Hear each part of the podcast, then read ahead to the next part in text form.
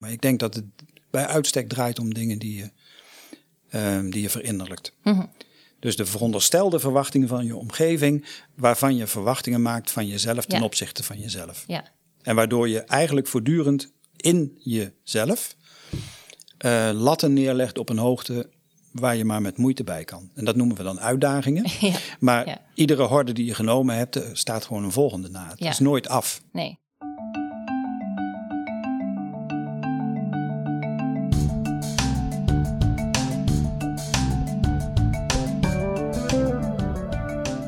Wat maakt je werk waardevol? Wanneer ben je trots op je werk? Hoe ga je om met mislukkingen? Welkom bij deze podcast van Radboud Reflects, waarin we verdiepende gesprekken voeren over allerlei aspecten van je dagelijks werk in het licht van de huidige tijd. En bovendien, wat is werk eigenlijk? Luister en verdiep je inzicht. Waarde geven aan mijn werk. Hoe doe ik dat?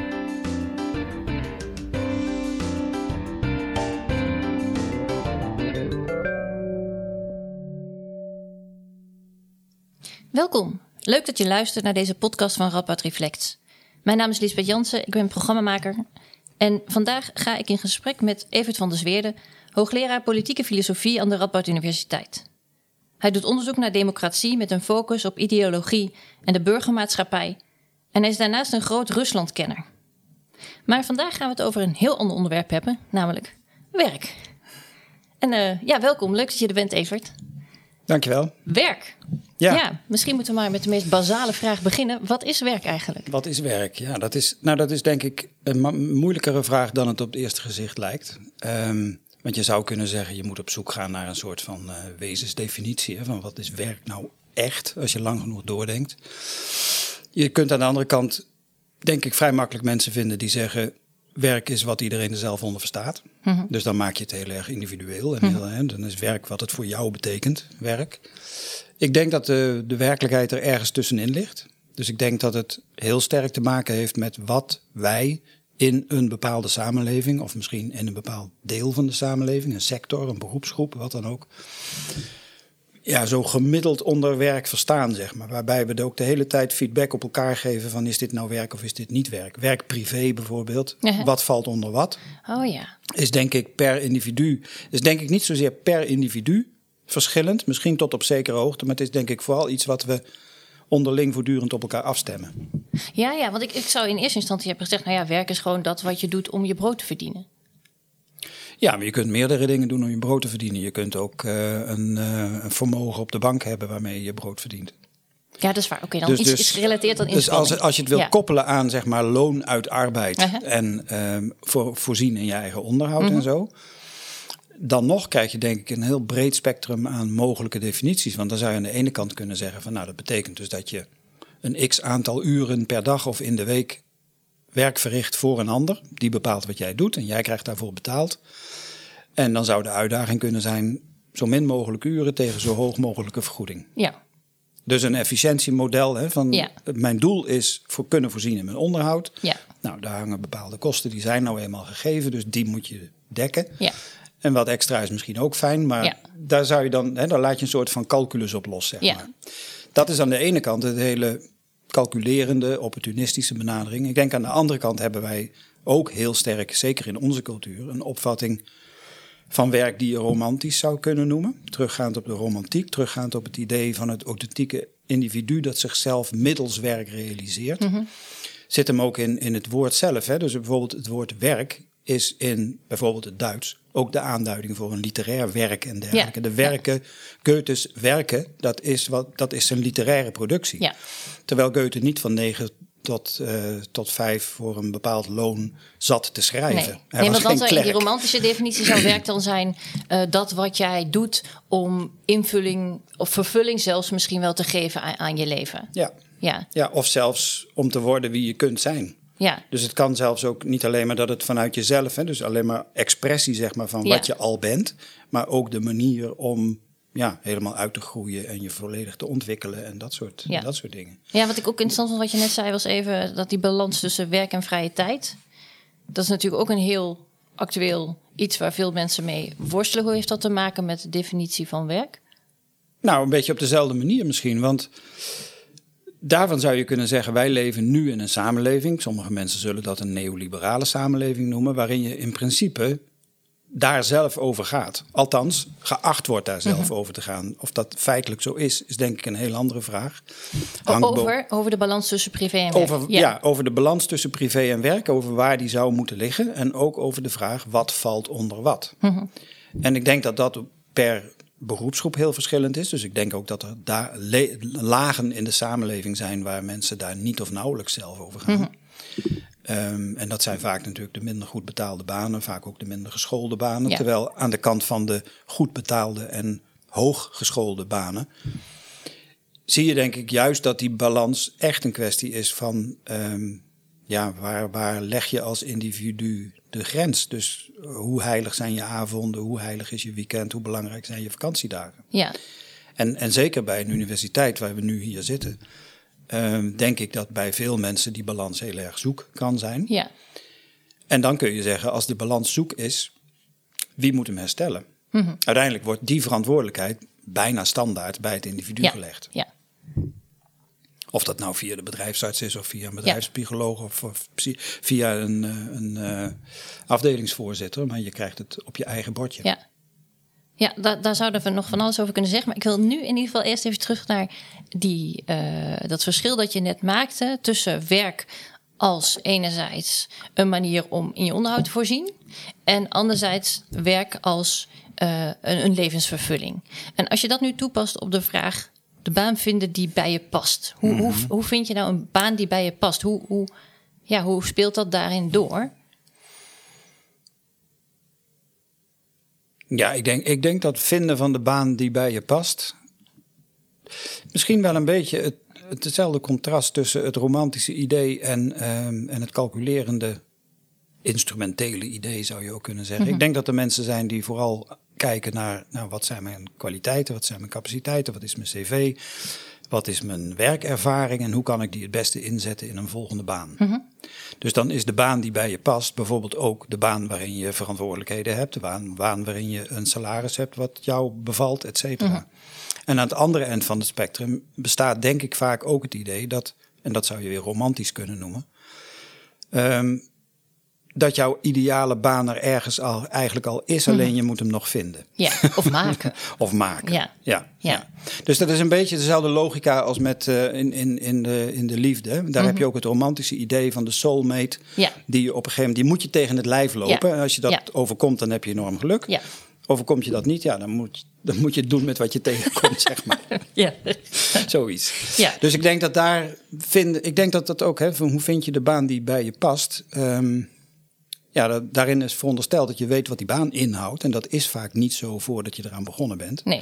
B, je moet in de gaten hebben wie of wat jij bent. Dus je weet van tevoren vaak ook niet of iets nou echt bij jou past. Dus ik denk dat dat een beetje met vallen en opstaan gaat. Ik denk dat er ook heel veel mensen zijn die ergens gaan werken. En dan op een gegeven moment ontdekken dat er bepaalde dingen zijn in dat werk. die eigenlijk ontzettend goed bij hen passen. terwijl ze zich dat nooit gerealiseerd nee, hebben. Ja, precies. Ja. En waar, zou je zeggen, waar zou je zelf staan op dat scala tussen. Ik bedoel niet zozeer hoe je het zelf doet, maar wat jouw advies zou zijn. Hè? Dus zoek een baan omdat die allerlei voordelen heeft en je inderdaad uh, weinig uren hoeft te werken voor een, voor een voldoende salaris. Of ga iets zoeken wat echt bij je past en waar je, waar je vervulling in vindt. Ik zou denk ik zoeken naar een middenweg daarin. Dus ik zou denk ik zoeken naar een manier om ehm, nou, in ieder geval niet te beginnen aan dingen waarvan je eigenlijk al weet dat het niet bij je past. Hm. Want het is vaak makkelijker om te weten wat niet bij je past dan om te weten wat wel bij je past. Um, en ten tweede, om het ook niet, ja, om geen vabank te spelen, zeg maar. Hè? Dus niet van, nou, dit moet het zijn. Mhm. En als het dat niet helemaal is, dan ben ik diep teleurgesteld en dan druip ik weer af en dan ga ik iets anders zoeken. Dus het is denk ik ook een beetje, en dat zit bij dat midden ook, het is ook een beetje van geven en nemen, maar misschien ook ja, uitproberen en dingen de kans geven om te kijken hoe jij en je baan bij elkaar passen. Want je kunt het van twee kanten benaderen. Je kunt ook zeggen, de baan moet ook bij mij passen. Ja. Ja. En maar, maar in dat zoeken, ehm, ja, we hadden het net al een beetje over de maakbare samenleving en zo. In hoeverre, in hoeverre ben je daar eigenlijk, in hoeverre worden we ook gedwongen, zeg maar, om die perfecte ideale baan te vinden? En mag je eigenlijk niet meer tevreden zijn met een baan waarvan je denkt, nou ja, goed, ik had me eigenlijk wat anders voorgesteld, maar dit is best. En ik heb uh, goede secundaire arbeidsvoorwaarden en zo. En ik hoef niet zo ver. Uh, ik kan op de fiets enzovoort.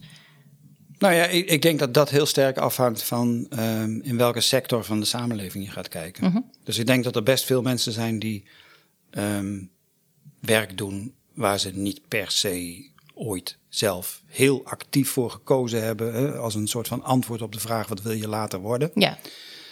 Um, en die daar misschien prima mee uit de voeten kunnen. En die inderdaad dat zien als iets wat je 38 uur in de week doet, of 42 uur in de week, dat maakt niet uit. Uh, en de rest van de tijd doe je andere dingen. Ja. En dan ben je verder, ja, dan kun je wat pech hebben, je kunt wat geluk hebben, je kunt leukere collega's treffen, er kan een klojo tussen zitten. Ja. Dat is allemaal part of the deal, om zo Ja. te zeggen. Werk is ook iets waar je vrijelijk over kan mopperen, Mhm. om zo maar te zeggen. En ik denk dat als je gaat in de richting van de meer uh, hoogopgeleide functies en zo, dat je ook minder geacht, dat je minder geacht wordt te mopperen te hebben, zeg maar. Want dan heb je blijkbaar de verkeerde dingen gekozen, of dan doe je het verkeerd, of dan pak je het verkeerd aan. Dan moet je dingen gaan veranderen. Dan Ja. moet je zorgen dat je meer impact hebt op de omgeving waar je werkt. Dan moet je investeren in je collega's of wat dan ook. En zegt dat iets over de mate waarin mensen hun werk belangrijker vinden naarmate ze langer gestudeerd hebben? Of zegt het meer iets over wat we van, van onszelf verwachten? En van elkaar. Ja, Dus ik denk dat dat heel erg. ik denk dat je daar heel erg te maken hebt met, met zichzelf versterkende mechanismen, zeg maar. Dus dat je, dat je op, in een bepaalde werkomgeving, bijvoorbeeld een, een, nou, bij huis, dicht bij huis te blijven, een afdeling binnen de universiteit, ehm, dat je daar ook.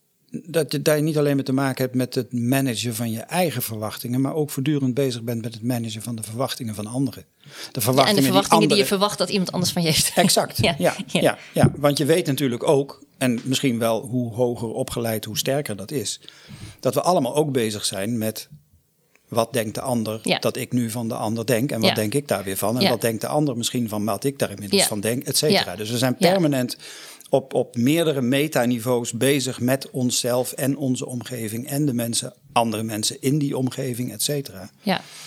Wat een behoorlijk vermoeiende bezigheid kan zijn. ja. Ehm, Maar waarin ik me ook kan voorstellen dat zeg maar dat, dat eerste niveau, hè, wat je net bes- beschreef, van, van mensen die gewoon zeggen: ja, dit is nou eenmaal wat ik doe. En dat doe ik voor mijn, voor mijn werk. En daarnaast doe ik wat ik leuk vind of zoiets. Of hè, heb ik tijd voor de andere dingen. Dat we daar misschien ook wel iets van kunnen leren. Want dat geeft je ook een bepaalde vrijheid ten opzichte van je werk. Want het is niet meer iets waar je. Ja, je bent er natuurlijk wel financieel van afhankelijk, maar niet voor je, voor je gevoel van eigenwaarde of, of zoiets. Nee, dat, dat, dat klopt zeker. Ik denk dat als je, als je werk hebt waarbij je kunt zeggen...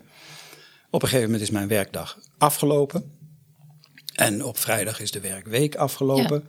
Als je iedere dag dat de dag eindigt, de werkdag... en iedere week dat de week eindigt, de werkweek... eh, daar weggaat met het idee van... ik heb gedaan wat ik geacht werd te doen... dan ben je vrij. Ja, Terwijl een academicus bijvoorbeeld gaat iedere avond maar naar huis met van... Ja, eigenlijk moet ik Ja. vanavond flink aan het werk, maar ja, ik ben moe. ja, En eigenlijk zou ik de komend weekend eh, door moeten werken. Maar ja, mijn gezin, we moeten naar een huisje. ja. Dus dat, die strijd is denk ik, ja, zeker bij academici, denk ik permanent. Ja, ja, Eh, en, en, en dus ook, dat leidt aan de ene kant tot roofbouw. Ja, Burn-out is een Ja. heel wijdverbreide eh, klacht. Ehm, maar het leidt denk ik ook tot heel veel vormen van frictie en ontevredenheid. Hmm. Het leidt misschien ook wel bij veel mensen tot een minder prettig, minder gelukkig privéleven. Omdat Ja. je ook niet. Het is ook moeilijk Ja. om. Hè, ehm, je wordt ook geacht te socializen met Ja. je collega's. Heel veel, bij voorkeur. ja, Ook dat geeft druk. ja. Ja, dus je hebt aan de ene kant heel veel vrijheid en aan de andere kant juist heel weinig. Ja. Ja, ja om de- en dat is precies omdat die twee werelden niet gescheiden zijn. ja, ja. Hey, we hebben net gehad over hoe vind je nou een baan die bij je past en wat, welke wat voor factoren spelen daarbij een rol. Ehm, maar je kunt natuurlijk ook de vraag omdraaien en zeggen: hoe ga jij nou passen bij de baan die je gevonden hebt? Hoe, hoe werkt dat? Ehm, nou, ik denk dat dat langs, langs een heleboel verschillende lijnen kan werken. Dus het kan betekenen dat je denkt van wil ik meer plezier. Het, het kan zijn dat er echt eisen gesteld worden. hè? Dus je loopt ergens tegenaan. Je blijkt iets niet zo goed te kunnen. Ja. Ik zeg maar wat, je kunt niet goed overwegen met een bepaald computerprogramma. Dan ga je daar een cursus in doen. Ja, Het kan ook zijn dat je tegen dingen aanloopt waarvan je denkt van dat moet ik weliswaar niet per se. Maar als ik het doe, dan zou het mijn werk wel een stuk leuker maken. Mhm. Dat is natuurlijk ook de manier waarop mensen vaak geleidelijk aan evolueren naar een ander soort functie. Ja. Hè? Ehm, daar, daar heb je misschien meer keuze in, maar ook meer verantwoordelijkheid. Want dan ga je investeren in dingen. Ja, dat moet dan ook eigenlijk wel weer wat opleveren. Dus eh, stel je werkt bij een eh, international office en je denkt van het zou toch leuk zijn als mijn Engels beter werd. En als mijn Engels helemaal verbeterd is, dan is misschien Frans of Spaans ook nog wel een leuk idee. Dat maakt het werk leuker. Ja, Maar daarmee leg je jezelf ook een bepaalde last op. ja, En bouw je ook de mogelijkheid van teleurstellingen in. Ja. Teleurstellingen in jezelf, maar ook teleurstellingen van anderen Ja. in jou. ja. En ik denk dat dat ook is, dat zit misschien ook wel sterker in ehm, de, de, de hoger opgeleide functies. Mhm. Omdat je er, domweg omdat je er daar meer zelf over gaat. Ja, omdat daar- er meer verantwoordelijkheid bij jou Ja. zelf ligt. Ja, dus En- als, je, als je kijkt naar, naar jaargesprekken. Ik heb dan zelf als hoogleraar regelmatig, elk jaar uiteraard, een jaargesprek. Mhm. En dat heeft toch, het is op dit moment overigens aan het veranderen. Maar dat had in het verleden toch eigenlijk heel vaak de strekking van... ja, je onderwijsevaluaties zijn prima, maar ze kunnen beter. Ehm, je publicatie, publicaties die zijn goed, maar het zou leuk zijn als je nog wat hoger mikt. Ehm, je zou ook nog wat meer bestuurlijke dingen kunnen doen. En je moet eigenlijk ook jezelf ontwikkelen. Dus het is en, en, en, en, en. Ja, En het paradoxale is dat die boodschap, die komt voort uit het gesprek. ja, Maar in mijn ervaring komt die zeker zoveel uit de werknemer zelf als uit de leidinggevende. ja. ja. Dus het is vooral je eigen projectie. Je bent je eigen ambities aan het omvormen in verwachtingen van, Van de je omgevingen waar Ja. je van vervolgens aan moet voldoen. ja. En überhaupt de vraag, wat is eigenlijk goed genoeg? Ja. Is denk ik een hele cruciale vraag in deze tijd waarin we on- onszelf... En dat maakt denk ik echt niet uit welk opleidingsniveau je hebt. We onszelf steeds spiegelen aan het perfecte. En dat moeten we dan ook proberen na te Ja, streven. ja de- het antwoord op de vraag wat is goed genoeg is heel simpel. Niks. Niks is goed genoeg. Het Ja? kan niet goed genoeg. Maar ik bedoel, inhoudelijk zou dat wel kunnen. Maar het mechanisme werkt zo dat het nooit genoeg is. Het is kwantitatief nooit genoeg en het is kwalitatief Welk mechanisme werkt zo? Het psychosociale mechanisme. Het, het mechanisme dat in je omgeving zit, maar dat ook in je hoofd is gaan Ja, nestelen. ja, Zich is gaan nestelen. ja. Dus dat is een wisselwerking tussen. ehm, maar ik, ik denk, maar dan komen we opnieuw bij dat neoliberale en zo. Maar ik denk dat het bij uitstek draait om dingen die je, ehm, die je verinnerlijkt. Mhm. Dus de veronderstelde verwachtingen van je omgeving, waarvan je verwachtingen maakt van jezelf ten Ja. opzichte van jezelf. ja.